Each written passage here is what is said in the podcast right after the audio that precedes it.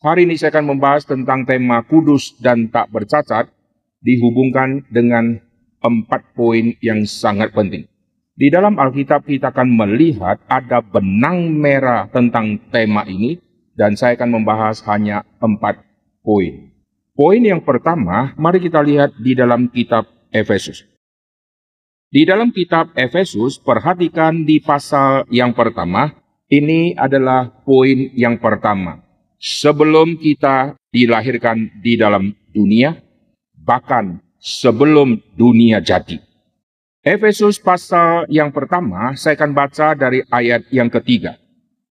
Terpujilah Allah dan Bapa Tuhan kita Yesus Kristus, yang dalam Kristus telah mengaruniakan kepada kita segala berkat rohani di dalam surga. Sebab di dalam dia Allah telah memilih kita sebelum dunia dijadikan, supaya kita kudus dan tak bercacat di hadapannya. Tidak pernah saudara baca ayat ini di dalam kitab mana pun di dalam dunia ini. Di dalam dunia saudara melihat buku-buku yang diproduksi oleh manusia dari segala macam zaman, baik dia mengutip kalimat orang lainkah atau pikiran orisinil dia sendirikah, tidak pernah saudara temukan ayat yang kita baca ini. Yaitu tentang apa? Kita dipilih sebelum dunia dijadikan. Tulisan ini ditulis oleh Paulus. Tetapi ide ini bukan orisinil dari Paulus. Bagaimana Paulus bisa mengerti dunia ciptaan Tuhan yang begitu rumit? Lalu bagaimana bisa mengerti sebelum dunia yang dicipta yang begitu rumit, apa yang terjadi? Lalu bagaimana Paulus bisa mengerti dunia kekekalan sebelum semua dicipta, apa yang terjadi di dalam dunia kekekalan? Manusia yang Tuhan pakai, nabi-nabi yang Tuhan pakai untuk menulis kitab suci, mereka waktu menulis tentang Taman Eden. Ini bukan orisinil dari pikiran mereka, karena mereka tidak pernah hadir di Taman Eden. Apalagi menuliskan sesuatu sebelum Taman Eden, sebelum bumi ada, hampir tidak pernah terjadi dan tidak pernah mungkin.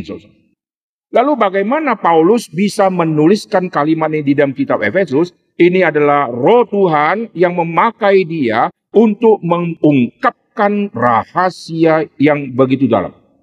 Efesus pasal 1 banyak kali orang baca, tapi orang lolos poin ayat keempat ini. Mari kita lihat. Sebab di dalam dia Allah telah memilih kita sebelum dunia dijadikan. Paulus sama Petrus, dua orang yang luar biasa di dalam misi. Di dalam kitab kisah Rasul kita melihat peranan Petrus yang luar biasa Lalu setelah Petrus dilanjutkan oleh Paulus, Injil akan tiba sampai ke ujung bumi. Dan dua orang ini Tuhan pakai untuk menuliskan tema yang mirip seperti ini. Paulus di dalam kitab Efesus, dia menulis apa? Kita telah dipilih sebelum dunia dijadikan. Petrus menuliskan Kristus telah dipilih sebelum dunia dijadikan. Dua orang ini kalau kita gabungkan, maka kita menemukan satu doktrin pilihan yang sangat penting. Paulus menulis kita dipilih sebelum dunia dijadikan. Petrus menulis Kristus dipilih sebelum dunia dijadikan. Bedanya apa? Bedanya kita dipilih supaya kita kudus dan tidak bercacat. Yesus dipilih bukan supaya kudus dan tidak bercacat. Yesus sudah disebut Sang Kudus. Yesus sudah disebut Allah. Yesus adalah yang tidak ada noda. Bedanya dengan kita yang dipilih, kita dipilih supaya kelak kita menjadi kudus dan tak bercacat. Yesus tidak dipilih untuk supaya nanti jadi kudus, nanti jadi tidak bercacat. Ini bedanya. Lalu kita yang sudah dipilih, lalu Kristus yang sudah dipilih, ini adalah kedaulatan Tuhan dan ketetapan Tuhan yang tidak ada di agama mana pun. Lalu waktu orang belajar doktrin predestinasi selalu masuk ke dalam perdebatan yang begitu sengit. Mana mungkin Tuhan sudah pilih? Kalau Tuhan sudah pilih, ngapain kita hidup di bumi? Toh akhirnya semua Tuhan sudah tetapkan. Waktu orang diskusi teologis, akhirnya mereka musuh-musuhan, debat-debat, satu tulis buku, satu menulis lagi melawan yang buku pertama. Lalu yang buku pertama oleh penulis pertama, dia tidak setuju oleh buku yang lain tadi, dia tulis lagi buku berikutnya untuk hantam lagi. Akhirnya terjadilah perang kata-kata melalui buku-buku dari orang-orang yang debat-debat tentang doktrin. Padahal doktrin predestinasi bukan doktrin yang sulit. Doktrin pilihan bukan doktrin yang diperdebatkan. Doktrin pilihan adalah doktrin yang sangat pratika luar biasa. Mengapa saya katakan seperti ini? Saudara perhatikan, Paulus sudah kasih jawabannya di dalam Efesus pasal yang pertama ayat keempat. Kita lihat sekali lagi. Sebab di dalam dia Allah telah memilih kita sebelum dunia dijadikan. Supaya kita berdebat, supaya kita tulis buku, supaya kita perang kata-kata. Tidak. Supaya apa? Pratika. Kudus dan tak bercacat di harapannya. Maka kasihan sekali jikalau orang sudah belajar firman, sekolah teologi awam, akhirnya muncul di dalam pikiran mereka kerumitan yang begitu banyak. Setiap kali ketemu orang, dia serang orang tersebut dengan doktrin-doktrin yang begitu dalam. Padahal semua tema doktrinal di dalam Alkitab itu tema pratika. Tetapi untuk mencapai tema pratika yang benar, di otaknya mesti ada teori dan doktrin yang dalam. Saudara kalau bertanya kepada orang yang ahli di dalam bengkel, ahli di dalam mobil, semua kalimat-kalimat kesimpulan dia, waktu saudara tanya, mengapa mobil saya mogok? Dia akan jawab, karena akinya. Sederhana, perhatikan sekali. Tetapi di balik otak dia terjadi kerumitan yang begitu banyak yang dia konsumsi sendiri, yang dia persiapan sendiri berpuluh-puluh tahun sampai dia bisa menjawab semua permasalahan mobil manusia dengan kalimat pratika. Kenapa mobil saya mogok? Kenapa starter kok tidak bisa jalan? Lalu dia jawab, akinya. Sama, kita kalau ditanya, kenapa mobilmu mogok? Mungkin akinya. Kita juga juga, saudara. Yang lebih bodoh lagi, mungkin bannya. Tidak ada hubungan, saudara ya. Lebih bodoh lagi, karena belum pasang pintil di bannya. Maka mobil saya mogok. Ini lucu, saudara. Waktu seorang yang ahli, dia menjawab tentang aki, di otaknya ada kerumitan yang begitu dalam yang dia sudah pelajari. Tetapi waktu dia sampaikan semua bersifat pratika.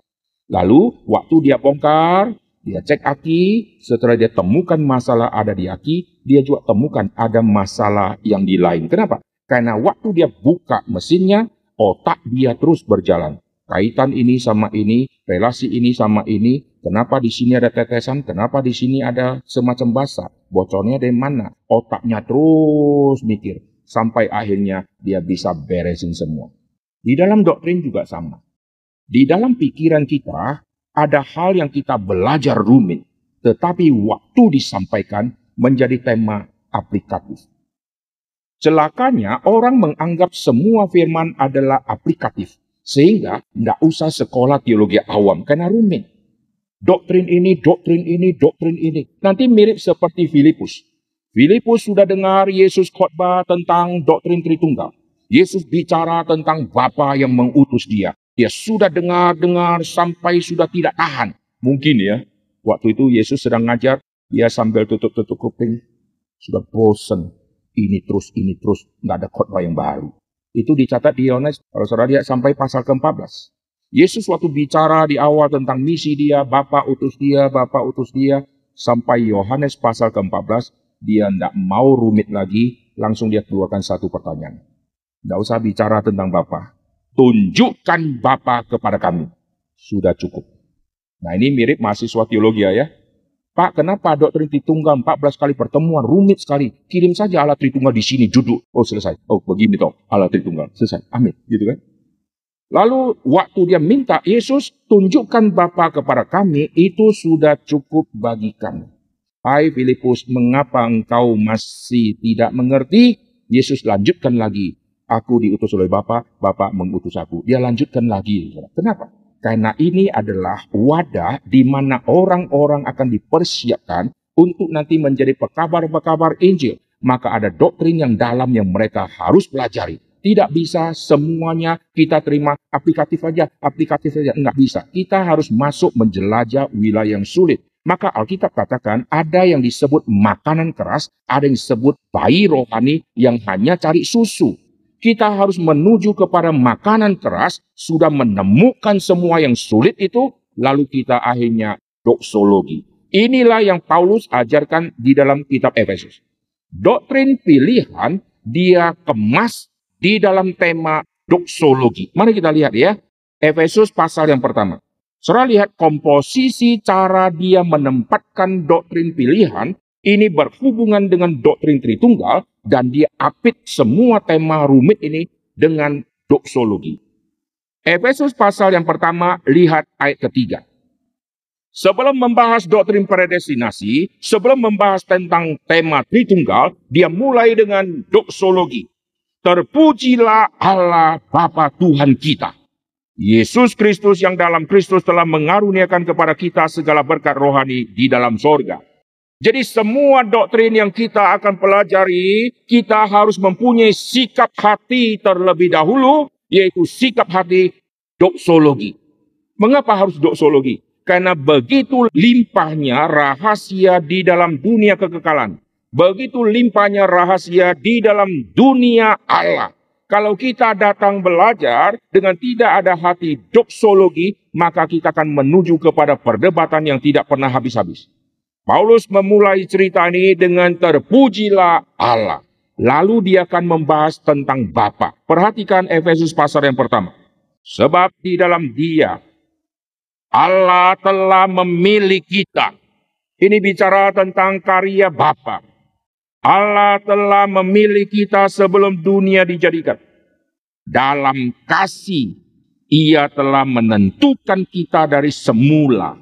Ia ini Bapak oleh Yesus Kristus untuk menjadi anak-anak Bapa sesuai dengan kerelaan kehendaknya. Mulai dengan doksologi, lalu masuk tentang Bapa. Siapakah Bapa? Apa hubungannya Bapa dengan manusia?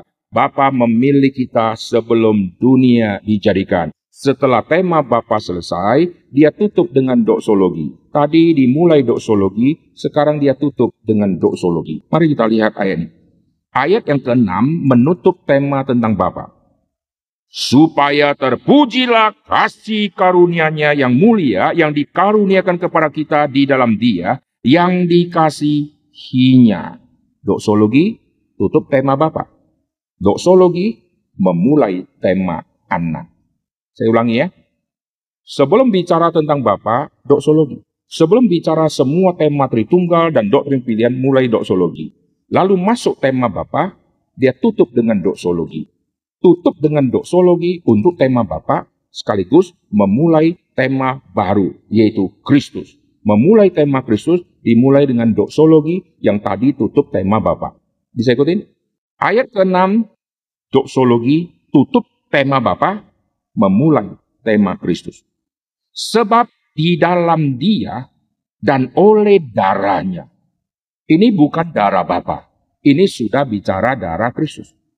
Kita beroleh penebusan yaitu pengampunan dosa yang dilimpahkan kepada kita ayat ke-9 sebab ia telah menyatakan rahasia kehendaknya kepada kita Kristus datang untuk menyingkapkan siapakah Bapa sesuai dengan rencana kerelaannya, yaitu rencana kerelaan yang dari semula yang telah ditetapkannya di dalam Kristus. And Kristus, di dalam Kristus, di dalam Kristus. Ini tema di dalam kitab Efesus. Sebagai persiapan kegenapan waktu untuk mempersatukan di dalam Kristus.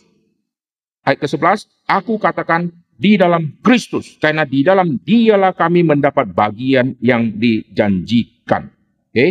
perhatikan ayat ke-12 supaya kami yang sebelumnya telah menaruh harapan pada Kristus boleh menjadi puji-pujian bagi kemuliaannya. Tema Kristus dimulai dengan doksologi, diakhiri dengan doksologi. Ayat ke-12, supaya kami yang sebelumnya telah menaruh harapan pada Kristus boleh menjadi puji-pujian doksologi. Doksologi menutup tema Kristus, doksologi memulai tema Roh Kudus. Maka setelah itu dia akan bahas tentang Roh Kudus. Ayat ke-13, di dalam dia kamu juga karena kamu telah mendengar firman kebenaran yaitu Injil keselamatanmu, di dalam dia kamu juga ketika kamu percaya dimeteraikan dengan Roh Kudus yang dijanjikannya itu. Dan Roh Kudus itu adalah jaminan bagi kita sampai kita memperoleh seluruhnya, yaitu penebusan yang menjadikan kita milik Allah untuk memuji kemuliaannya. Doksologi lagi. Jadi tema Tritunggal yang begitu dalam, setiap pokok poin pertama tentang Allah Bapa. Poin kedua tentang Allah Anak, yaitu Kristus. Poin ketiga tentang Allah Roh Kudus. Harus kita mulai dan tutup dengan doksologi. Sikap seperti ini sudah hilang di sekolah teologi.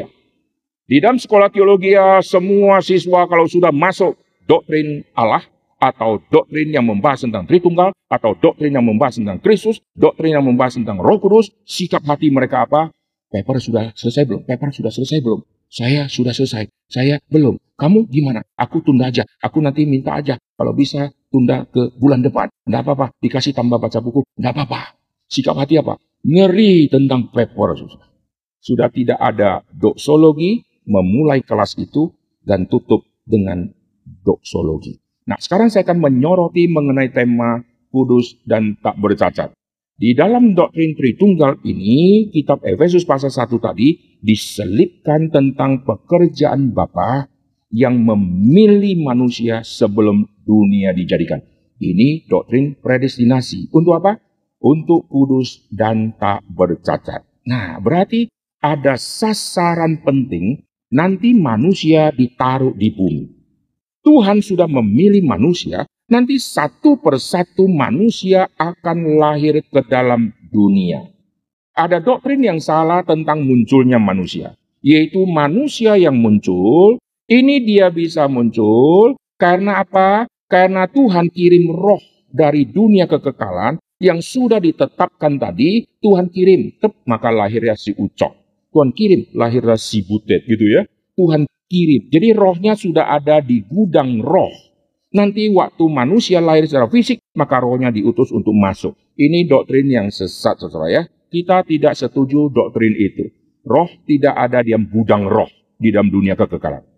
Pada saat manusia disebut makhluk yang hidup, janin itu sudah disebut hidup maka saat itu ada roh di dalam diri janin itu atau benda yang mulai goyang-goyang itu.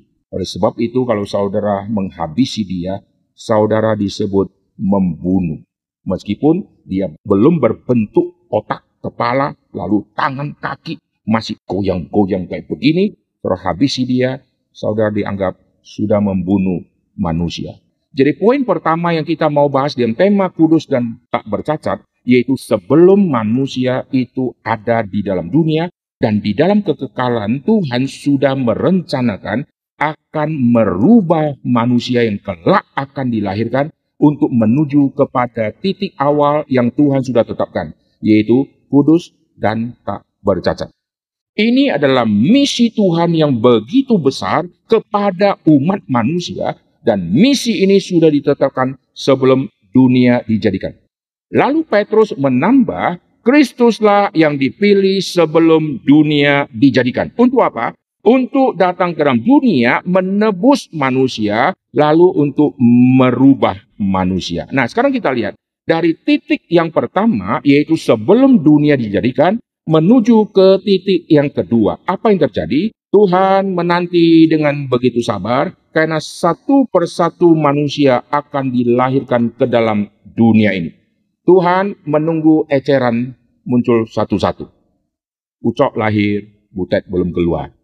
Butet lahir, lalu abang siapa muncul lagi. Muncul lagi, eceran saudara ya. Tidak grosir gitu ya. Satu persatu. Tunggu, tunggu, tunggu, tunggu. Sampai waktunya tiba, lahirlah kita. Waktu kita dilahirkan ke dalam dunia ini, kita tidak tahu misi Tuhan untuk kita. Oleh sebab itu, kita mulai mendeteksi tujuan saya ada di dunia, kenapa saya bisa ada di dunia. maka kita coba cari tahu. Dan waktu kita tahu pertama kali kita tahu dari mama papa. Mama papa kita, kalau orang yang rohani baik, kita akan cepat mengetahui mengapa kita ada di bumi. Tapi kalau mama kita bukan orang percaya, kita akan mengetahui mengapa saya di bumi secara salah. Apalagi mama dan papa setiap malam diskusi. Sebetulnya anak ini saya tidak mau. Lalu didengar oleh si anak, ah, kau nggak mau? Aku juga sebetulnya nggak mau kau papa dan mama. Karena aku tidak minta aku dilahirkan di sini gitu ya. Dan untung papa dan mama nggak dengar. Karena anak ini bicara di dalam hati. Tapi papa dan mama selalu diskusi di meja makan. Anaknya dengar. Aku sebetulnya tidak mau anak ini. Karena anak kita sudah 18, ini 19. Wah, kita kirim ke orang lain saja gitu ya. Wah, si anak mulai mengerti. Kehadiranku di dalam dunia karena kecelakaan. Karena mama dan papa lupa makan obat dan seterusnya. Maka kebobolan, lahirlah saya. Pantas saya nggak pernah diajak jalan-jalan, pantas saya tidak pernah dibelikan baju baru. Dia mulai mengerti identitas dia adalah identitas yang tidak diharapkan. Dan anak ini akan bertumbuh mencari identitas dia, makin dia cari, makin dia tersesat di dalam dunia kegelapan. Sedangkan jikalau seorang anak dididik oleh ayah dan ibu yang rohani baik di dalam Kristus, anak ini diajar untuk mengerti siapakah dirinya. Anak ini dari kecil dibawa ke sekolah minggu. Sudah dibawa ke sekolah minggu, dia mendengarkan firman Tuhan, pulang ke rumah, ayah dan ibu jelaskan lagi. Apakah anak ini langsung mengerti tentang status dia di dalam dunia? Seperti yang Bapak inginkan? Belum tentu. Kenapa? Karena fakta manusia sudah berdosa. Oh, saudara berkata, kalau begitu ngapain saya jelaskan kepada anak saya? Toh nanti akhirnya dia tetap tidak mengerti.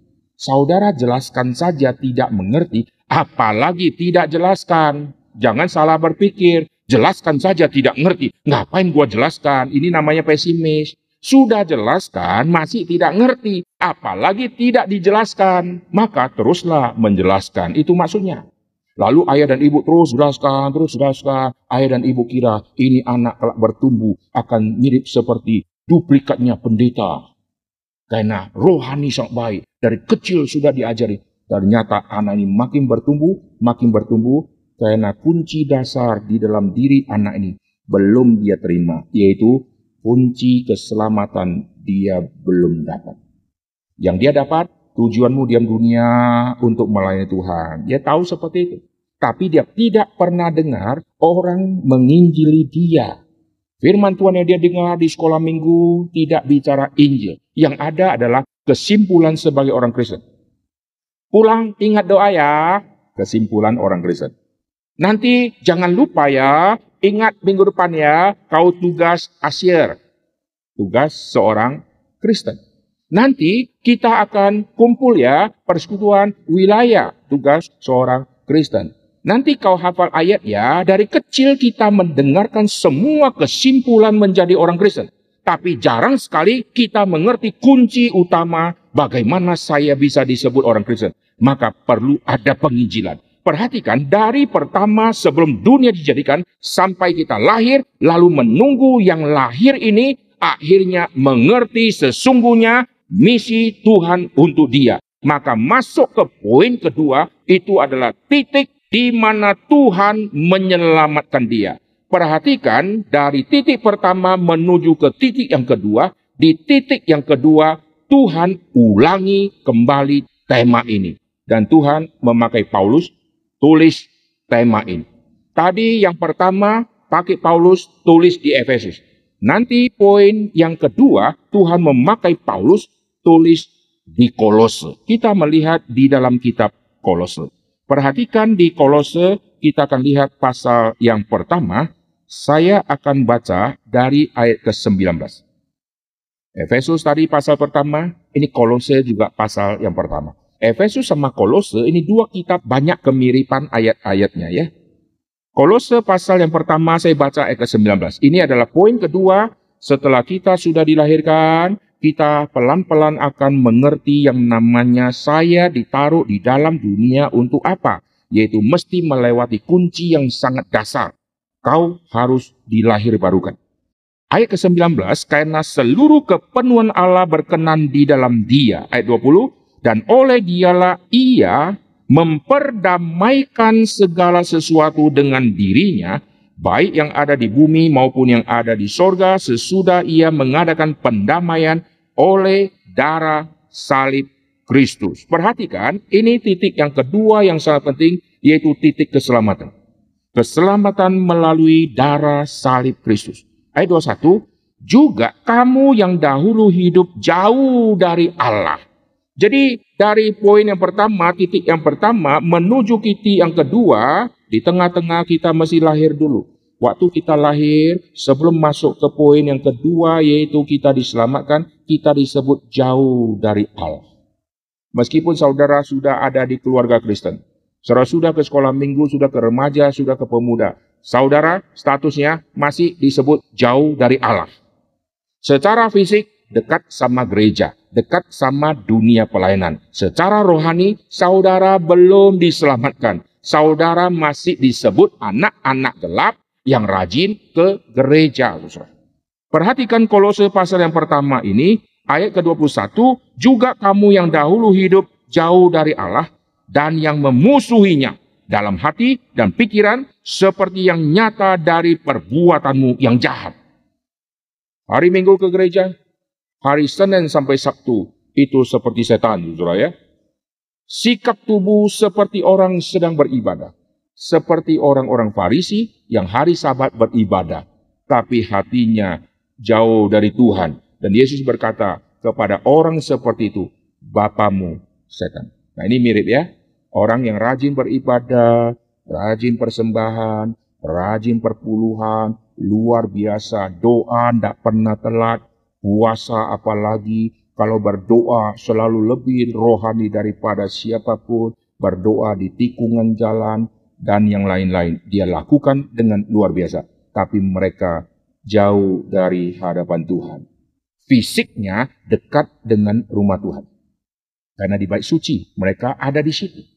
Sedangkan orang yang disebut pemungut cukai seolah-olah fisiknya jauh dari gereja, tapi hatinya ada di rumah Tuhan. Dia tidak ada di gedung gereja karena tidak boleh masuk, tapi hatinya seperti sedang di dalam gereja Tuhan. Maka setelah itu dia mempunyai sikap hati yang begitu hormat kepada Tuhan di dalam doa. Kasihanilah aku, orang yang berdosa ini. Nah sekarang kita lihat menuju ke poin yang kedua, kita disebut jauh dari Tuhan. Dan kita harus masuk ke poin kedua, yaitu darah salib Kristus. Lalu perhatikan di poin yang kedua ini muncul tema yang kita bahas, yaitu tentang kudus dan tak bercacat itu. Ayat ke-21, juga kamu yang dahulu hidup jauh dari Allah dan yang memusuhinya dalam hati dan pikiran seperti yang nyata dari perbuatanmu yang jahat, sekarang diperdamaikan di dalam tubuh jasmani Kristus oleh kematiannya. Untuk menempatkan kamu kudus. Jadi kunci utama kita yang sudah dipilih sebelum dijadikan harus mengalami perjumpaan dengan yang dipilih oleh Allah yang sebelum dunia dijadikan. Apa maksudnya? Kita yang dipilih sebelum dijadikan harus bertemu dengan satu pribadi yang juga dipilih sebelum dunia dijadikan. Itu adalah Kristus. Sehingga perhatikan, waktu kita yang ada di dalam dunia ini, Yesus yang belum lahir ke dalam dunia, di zaman perjanjian lama, orang-orang yang sedang menunggu kehadiran Tuhan Yesus, bagaimana mereka bisa diselamatkan, mereka percaya Kristus pasti akan datang, Kristus pasti akan mati, Kristus pasti akan bangkit. Dan mereka berjumpa dengan pribadi yang sudah dipilih itu meskipun belum hadir secara fisik. Tapi mereka sudah berjumpa dengan Kristus di dalam iman. Lalu kita bagaimana? Kita yang ada di dalam zaman setelah Kristus, kita tidak berjumpa secara fisik dengan Kristus karena Golgota sudah berlalu, Yesus sudah berlalu di dalam masa pelayanan. Kita bertemu secara rohani kepada Kristus, yaitu perjumpaan pada saat kita mendengarkan Injil keselamatan, di situlah kita berjumpa dengan Tuhan yang sejati, kematian Kristus menjadi seolah-olah real terjadi hari di mana kita diubah oleh Tuhan. Golgota sudah lewat. Waktu saudara dengarkan Injil, maka saudara sedang ada seperti di bawah Golgota. Waktu mendengarkan Injil keselamatan, Yesus mati bagimu. Saudara seperti di bawah salib, sedang memandang kepada Kristus, dan saudara memandang dengan iman, terima dengan iman. Barang siapa melihat ular yang ditinggikan oleh Musa, dia akan diselamatkan. Dan hari di mana saudara berjumpa dengan pribadi yang sudah dipilih sebelum dunia dijadikan itu, hari itulah ia akan merubah hidup saudara selama-lamanya. Amin. Perjumpaan ini sangat penting. Perjumpaan dari wilayah yang sudah dipilih ini, yaitu manusia yang dipilih sama Kristus yang dipilih. Perjumpaan ini akan memulai satu babak baru untuk menuju poin yang ketiga. Nah, sekarang kita masuk ke poin kedua dulu. Kita lanjut di Kolose pasal yang pertama. Di dalam Kolose pasal yang pertama, ayat ke-22 tadi, sekarang diperdamaikannya di dalam tubuh jasmani Kristus oleh kematiannya untuk menempatkan kamu kudus dan tak bercela, tak bercacat di harapannya. Lihat, perjumpaan kita dengan Kristus, motivasinya Bukan penyakitku jadi sembuh. Bukan Tuhan mengisi pundi-pundi, melunaskan hutangku yang sudah begitu banyak. Oleh sebab itu saya pilih jadi Kristen. Semua penyakitku sembuh. Tumpang tangan ke dompet, mendadak dompet langsung tebal. Ya tebal tagihan, saudara ya. Bukan tebal uang warna merah. Oh, letakkan tanganmu ke bagian yang sakit, maka tinggal taruh, sembuh irit ratusan juta, tidak usah operasi lagi. Wah enak jadi orang Kristen. Tidak. Alkitab katakan, kita yang sudah diperdamaikan melalui pengorbanan Kristus secara jasmani, kita diubah oleh Tuhan untuk nanti menuju kepada tujuan awal Tuhan memilih kita. Amin. Lalu setelah saya diselamatkan, kita masuk ke gereja, gereja tidak mengajari untuk apa kau diselamatkan. Lalu orang itu dibesarkan di dalam iman yang ngaco.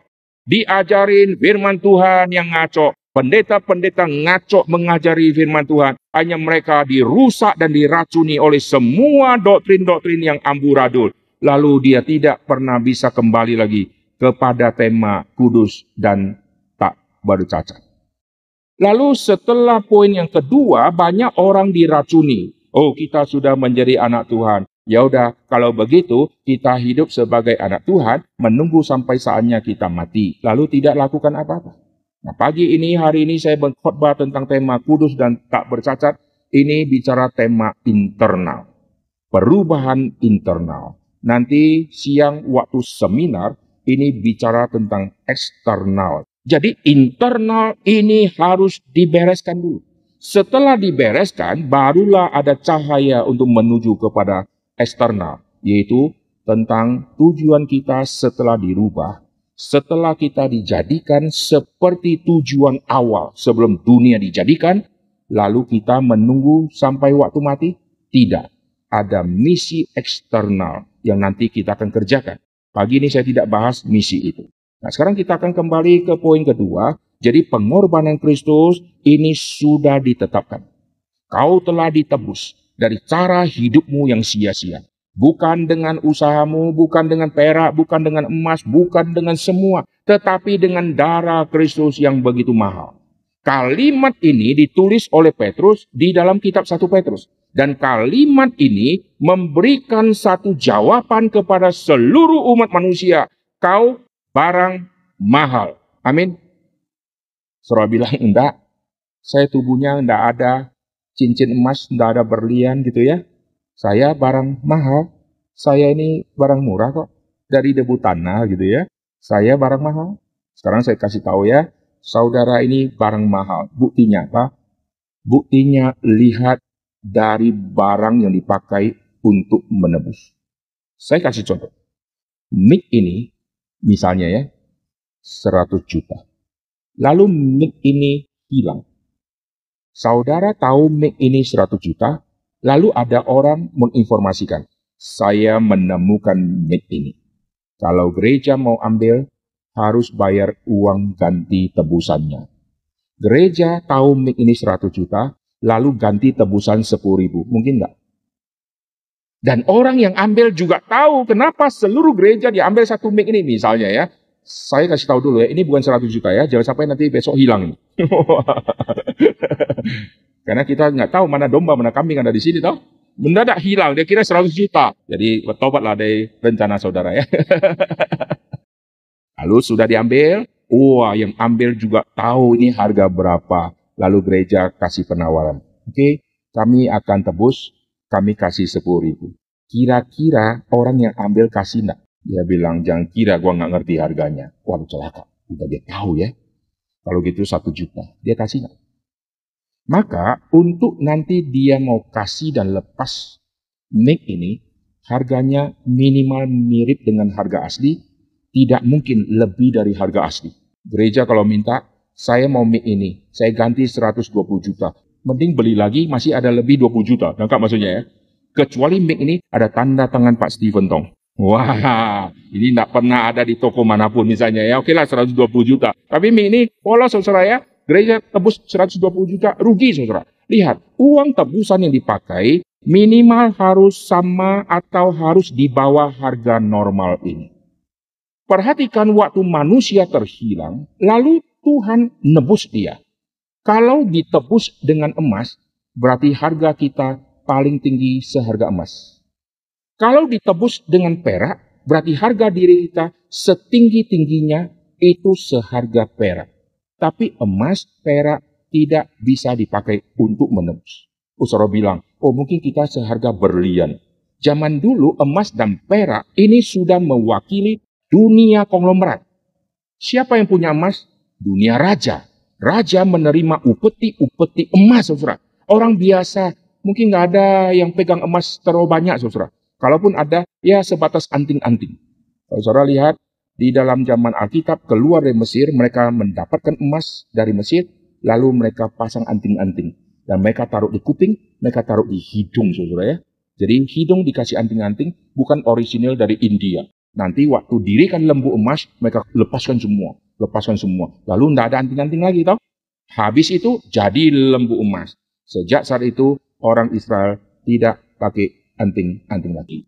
Lalu emas itu dipakai oleh siapa? Rasul pun tidak, susah. Petrus berkata, emas dan perak aku tidak punya, susah. Oh, kalau pendeta sekarang tidak berani khotbah ayat itu. Karena emas dan perak, aku banyak. Cincinnya saya sudah satu, saudara. Cincin kawin. Wah, tidak berani dia tuju. Sebelum khotbah itu, dia sembunyikan dulu. Emas dan perak aku tidak punya. Oh, Paulus, Petrus, semua orang melayani tidak mempunyai harta seperti itu. Dan perhatikan kita ditebus bukan dengan emas, bukan dengan perak, tetapi dengan darah yang mahal. Wow, kalau tebus nik ini minimal selevel harga atau turun sedikit. Kita punya bahan baku debu tanah. Kita punya nyawa sama nyawa Kristus mahal mana? darah Kristus, nyawa Yesus, hidup Yesus melampaui harga diri kita. Kita ditebus melampaui semua yang ada. Maka kita barang yang mahal. Saudara, kalau hidup diidentikan dengan emas, emas yang saudara miliki berapa kilo? Dirupiahkan berapa? Sama tubuh dari debu tanah, lebih mahal tubuh dari debu tanah. Nah, dengar baik-baik ya. Saya kasih contoh sederhana. Saudara perhatikan seluruh tubuh kita. Seluruh organ tubuh kita ini harganya sangat mahal.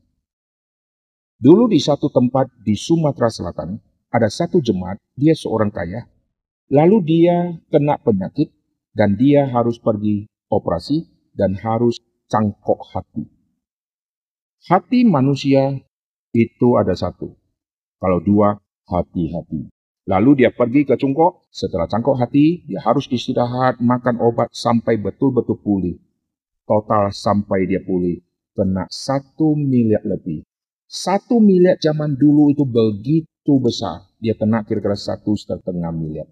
Lalu waktu itu saya mulai mikir, wah saya punya satu hati, itu minimal sudah satu setengah M. Wah, saudara mahal nggak? Saudara kantong saudara nggak pernah ada cash satu setengah M toh? Sorak ada simpan di dalam, yaitu di hati.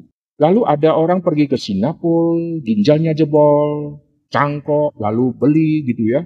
Lalu ada orang katanya gitu ya, oh bisa dapatkan ginjal. Satu ginjal berapa? Dulu minimal 300 juta. Ginjal kita ada dua, udah 600 juta. Wah, saudara kalau jalan, wis, lebih mahal dari Innova, saudara. Belum lagi hati, paru-paru, mata, telinga, tangan. Orang buat robot, habisi investasi untuk jadikan satu benda jadi robot hanya ngek, cepit bola ngek, dus. Kita dari dulu bisa upil, bisa apa, semua. Wih hebat nih, ini tangan bisa lincah luar biasa. Kita ini barang mahal saudara. Lalu kita yang barang mahal ditempatkan Tuhan diam dunia untuk apa? Oh untuk melewati hari-hari di depan. Hari ini sudah masuk di bulan Januari, sudah mendekati, sudah mau selesai. Nanti Februari, lalu 2021 akan selesai 2022. Lalu hamburkan waktu seperti ini. Untuk apa semua barang yang begitu mahal Tuhan investkan ke dalam tubuh manusia berupa organ-organ di dalam Berarti ada pekerjaan yang sangat mahal yang Tuhan siapkan melalui setiap kita. Satu barang dianggap berharga dan bernilai akan ditaruh di tempat yang mulia. Saudara. Kayu ditaruh di tempat untuk kayu. Emas ditaruh di tempat wadah yang cocok untuk emas itu berada. Dan emas dihargai melampaui kayu-kayu. Dan kita begitu mahal harganya. Maka kita ditempatkan Tuhan di dalam kerajaan Tuhan di posisi yang sangat terhormat. Kalau kita masih hidup jauh dari Kristus, kita tidak mengerti rahasia ini. Maka kita perlu dirubah oleh Kristus. Poin kedua itu kita mesti alami dulu. Setelah poin kedua, kita dididik oleh hamba Tuhan. Dididik oleh aliran gereja. Sehingga kita tidak mengerti untuk apa kita ada di dalam dunia ini. Maka nanti dari poin kedua menuju ke poin ketiga, kita nanti akan melihat poin keempat. Lalu poin ketiga itu apa? Proses menuju kepada titik yang keempat. Sekarang saya akan jelaskan dulu titik pertama sebelum dunia dijadikan. Titik yang akhir setelah dunia akan diakhiri atau zamannya kiamat. Jadi alfa kita dipilih sebelum dunia dijadikan, kita akan kembali kepada dunia kekekalan itu akhir, awal dan akhir. Poin pertama dan poin keempat. Lalu poin kedua kita ditebus, poin kedua menuju keempat. Itu adalah perjalanan kita di dunia seperti seorang musafir.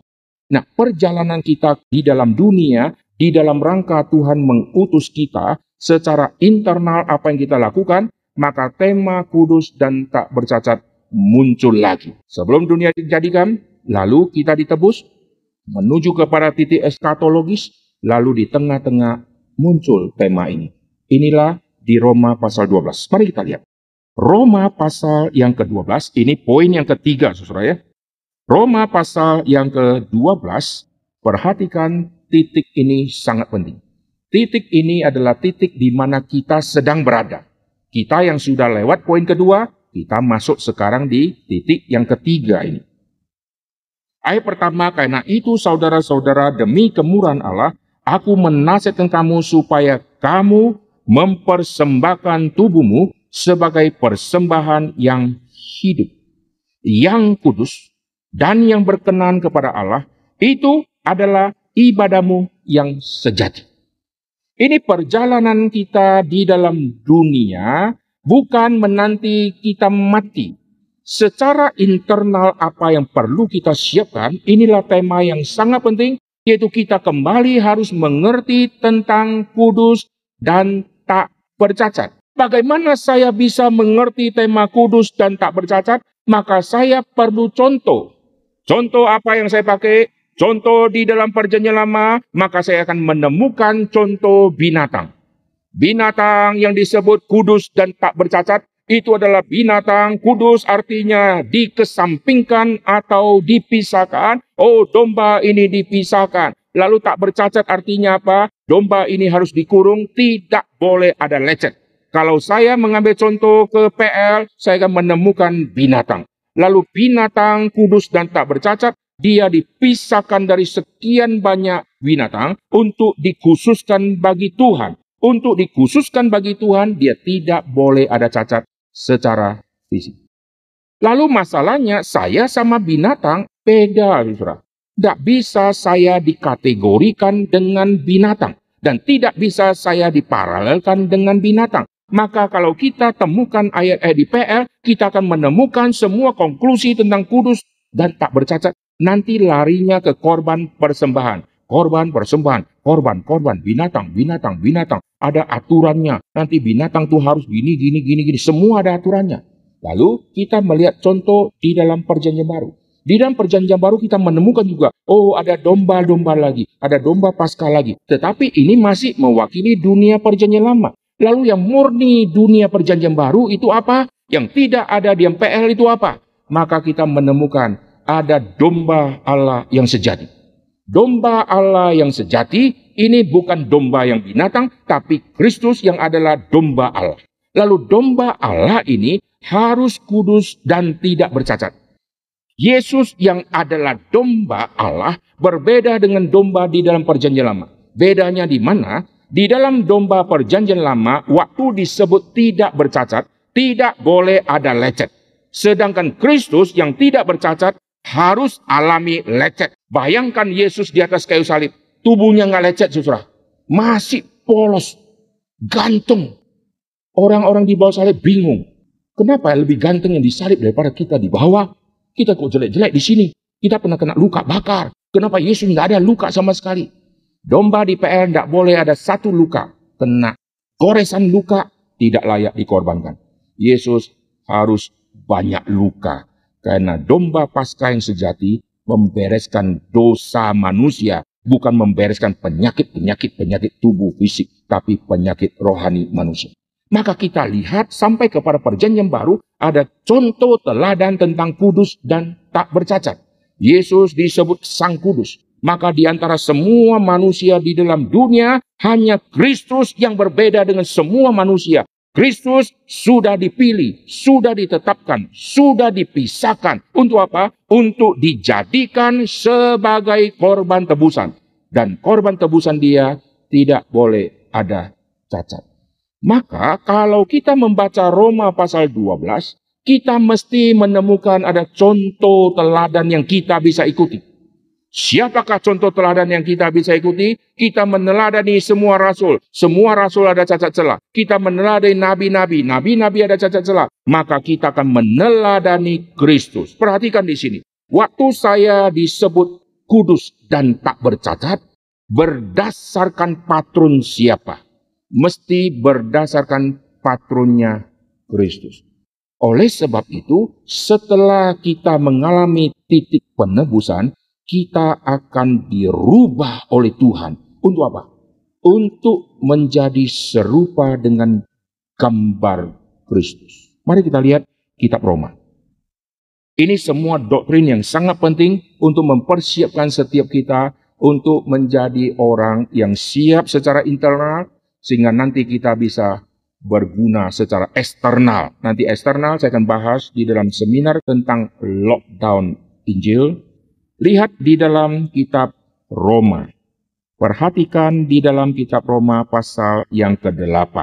Jadi karena Kristus adalah patron kita atau standar kita, maka kita akan dirubah seperti gambarnya Kristus. Oke, saya akan baca di dalam kitab Roma pasal yang ke-8. Saya baca dulu dari ayat 28. Kita tahu sekarang bahwa Allah turut bekerja dalam segala sesuatu untuk mendatangkan kebaikan bagi mereka yang mengasihi Dia, yaitu bagi mereka yang terpanggil sesuai dengan rencana Allah. Sebab semua orang yang dipilihnya dari semula, mereka juga ditentukannya dari semula untuk menjadi serupa dengan gambar anaknya. Supaya ia anaknya itu menjadi sulung dan seterusnya. Kita dirubah untuk menjadi serupa dengan gambar Kristus. Sehingga kita nanti akan menuju kudus dan tak bercacat seperti kekudusan Kristus, seperti Kristus yang tidak bercacat. Kita akan diubah oleh Tuhan menuju kepada kesempurnaan Kristus. Nah, ini tuntutan yang sangat tinggi kepada setiap orang yang sudah percaya. Ada standar yang Tuhan sudah tetapkan. Kita tidak mungkin jadi 100% sama seperti Kristus yang sempurna. Kita dituntut oleh Kristus dan oleh Tuhan untuk mendekati angka 100% yang sempurna itu. Ada orang mencapai level mungkin sampai 90. Ada orang mencapai level mungkin sampai 95. Ada orang yang tidak mau capai mungkin sampai level 1. Sudah selamat tapi majunya cuma level 1. Kita dituntut untuk menuju kepada level sempurna seperti Kristus, menuju kepada angka kesempurnaan. Kalau angka kesempurnaan kita ambil 100, menuju kepada 100. Ini semua tugas orang percaya. Bukan enak-enak, oh tunggu mati masuk surga. Tidak. Lalu bukan enak-enak siapkan diri, siapkan diri, siapkan diri, apa pun dia tidak peduli. Pokoknya terus siapkan diri. Tidak. Karena ini masih bicara internal. Setelah internal ada yang bersifat eksternal. Oke, kita sudah lihat sampai kepada poin yang ketiga. Kembali bicara tentang kau harus mempersembahkan tubuh. Mempersembahkan tubuh di dalam PL, konteksnya lihat contoh binatang. Tapi binatang tidak cocok untuk kita jadikan patron. Maka lihat di PB, di PB masih ada mengikuti tradisi PL, masih ada binatang. Tapi PB ada Kristus yang adalah anak domba Allah. Ini patron kita. Lalu kita dipersiapkan untuk nanti menjadi korban tebusan. Tebusan bukan untuk menyelamatkan dosa-dosa manusia, tetapi kita akan disiapkan menjadi korban tanda petik tebusan untuk apa? Untuk menjadi orang yang menjadi pengantara membawa banyak orang berdosa, kadang-kadang kita harus mati syahid, harus dilukai, harus mengalami penderitaan untuk membawa mereka kembali kepada Kristus. Lalu lihat poin yang terakhir yaitu titik eskatologis. Banyak orang kalau sudah bicara akhir zaman, lalu lihat COVID, gempa bumi, SARS, ada perang, rudal, uh, zamannya Saddam Hussein, Uh, seminar air zaman terus muncul. Setelah tidak ada rudal-rudal, air zaman berhenti. Masuk masa COVID, sebagian orang mulai munculkan lagi tentang air zaman. Nanti COVID sudah berlalu, jadi awal zaman lagi. Gitu ya.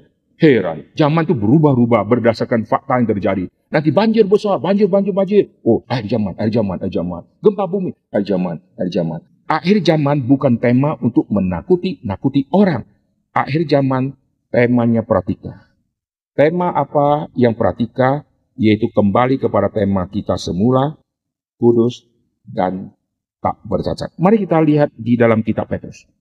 Ini empat poin penting tentang kudus dan tak bercacat.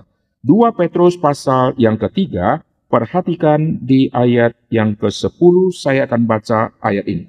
2 Petrus pasal ketiga ayat ke-10, tetapi hari Tuhan akan tiba seperti pencuri pada hari itu langit akan lenyap dengan gemuruh yang dahsyat, unsur-unsur dunia akan hangus dalam nyala api, bumi dan segala yang ada di atasnya akan hilang lenyap. Orang konsentrasinya hanya di ayat 10. Ayat 11, jadi. Nah, ini yang penting. Kuncinya jadi. Kesimpulannya di sini. Jika segala sesuatu ini akan hancur secara demikian, betapa suci dan salehnya kamu harus hidup. Kenapa? Makin kita mengingat tema eskatologis, makin kita mengerti Kristus akan datang, kita harus mereview kembali tentang internal kita. Sudahkah kita kudus dan tak bercacat? Kenapa? Karena Paulus pernah keluarkan satu kalimat, Aku sudah mempertunangkan kamu kepada Kristus. Jadi kita ini seperti perawan-perawan suci. Kita laki-laki juga dianggap perawan-perawan suci yang wanita juga dianggap perawan-perawan suci yang akan dipertunangkan dengan Kristus. Di dalam kaitan Tuhan dengan gerejanya, maka memakai istilah Tuhan nanti seperti suami, lalu gerejanya seperti istri. Israel seperti istri, Tuhan seperti suami yang menerima istri yang bersundal ini. Israel bersundal dengan ilah-ilah palsu, Tuhan menerima mereka kembali. Jadi, waktu Paulus berkata, "Kamu telah dipertunangkan dengan Kristus," kita ini disiapkan untuk menjadi perawan suci, bukan untuk bom bunuh diri, Saudara ya. Kita perawan suci untuk nanti apa? untuk menuju kepada eskatologis. Eskatologis itu bisa nanti Yesus datang kali kedua, eskatologis ini bisa bicara waktu kita mati. Waktu kita mati, Yesus belum datang kali kedua. Waktu kita mati, kita yang sudah dipersiapkan sejak sebelum dunia dijadikan, sampai menerima penebusan, sampai dirubah sesuai dengan gambar anaknya, lalu di dalam dunia terus berubah, berubah menuju kepada kesempurnaan Kristus, sampai saatnya kita mati. Kita akan bertemu dengan kekasih jiwa kita yang sejati. Lalu bagaimana dengan seluruh dunia? Waktu Kristus datang kali kedua, seluruh dunia akan selesai. Lalu apa yang terjadi? Oh, kalau begitu kita harus bicara tentang tanda-tanda. Oh, sudah terjadi bom bunuh diri. Mari kita belajar firman Tuhan. Tidak. Kau siapkanlah dirimu, hari itu akan tiba. Dan waktu kau melihat betapa ngerinya hari itu tiba, maka kau harus mengingat tema mendasar. Betapa suci salehnya kamu harus hidup di dalam dunia. Amin. Jikalau semua tema ini kita sudah mengerti dengan baik, nanti kita akan berbuah lebat di hadapan Tuhan. Mengapa banyak orang susah berbuah? Karena internal belum beres di hadapan Tuhan. Dia belum diperdamaikan dengan Tuhan. Dia masih hidup jauh dari Tuhan dia harus diselamatkan. Setelah diselamatkan, dia sudah menjadi orang Kristen, tetapi tidak pernah bertumbuh secara iman, sehingga hidup dia secara internal masih seperti ada di tanah yang tandus. Belum pernah digemburi tanahnya. Kalau dirinya sudah digemburi, dia akan dikasih satu benih kecil saja, benih itu langsung akan tumbuhnya cepatnya luar biasa. Mengapa banyak orang Kristen susah bertumbuh? Karena tidak pernah perbaiki secara internal. Tuhan cipta tubuh manusia dari debu tanah dan Tuhan penuhi semua debu tanah ini dengan mayoritas air. Ini bijaksana Tuhan.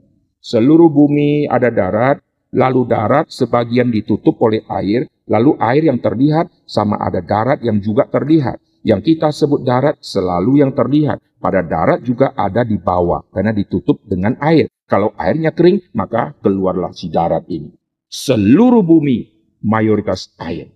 Seluruh tubuh kita dari tanah mayoritas air. Tapi air di dalam tubuh kita, air yang bisa berkurang. Karena kita keringat, kita pergi ke toilet, kita perlu minum lagi. Tubuh ini perlu air yang hidup, sehingga tanah rohani ini tidak pernah alami kekeringan. Oleh sebab itu internal ini perlu beres dulu. Kalau sudah beres, orang melayani dengan sukacita. Saudara melayani, orang dapat berkat dari pelayanan saudara. Jikalau tidak, sambil melayani, sambil iri hati, sambil perang satu dengan yang lain. Bagaimana kita bisa menjadi saksi secara internal untuk memenangkan orang? Nanti siang saya akan membahas sisi eksternalnya, yaitu tentang lockdown Injil. Mari kita tundukkan kepala, kita akan berdoa. Bapa yang surga kami berterima kasih di dalam waktu yang Tuhan siapkan bagi kami. Biar khotbah hari ini mempersiapkan seluruh umat-umat Tuhan di gedung yang baru ini untuk membenahi secara internal pribadi di hadapan Tuhan. Sehingga setiap kami tidak ada yang terkecuali akan menjadi berkat besar kepada lebih banyak lagi orang.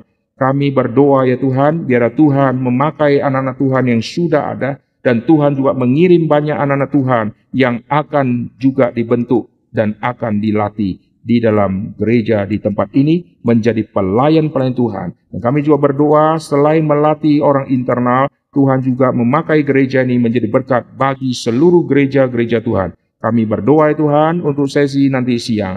Tuhan juga berkati di dalam seminar tentang lockdown Injil. Pakailah hambamu dengar doa kami. Dalam nama Tuhan Yesus kami berdoa. Amin.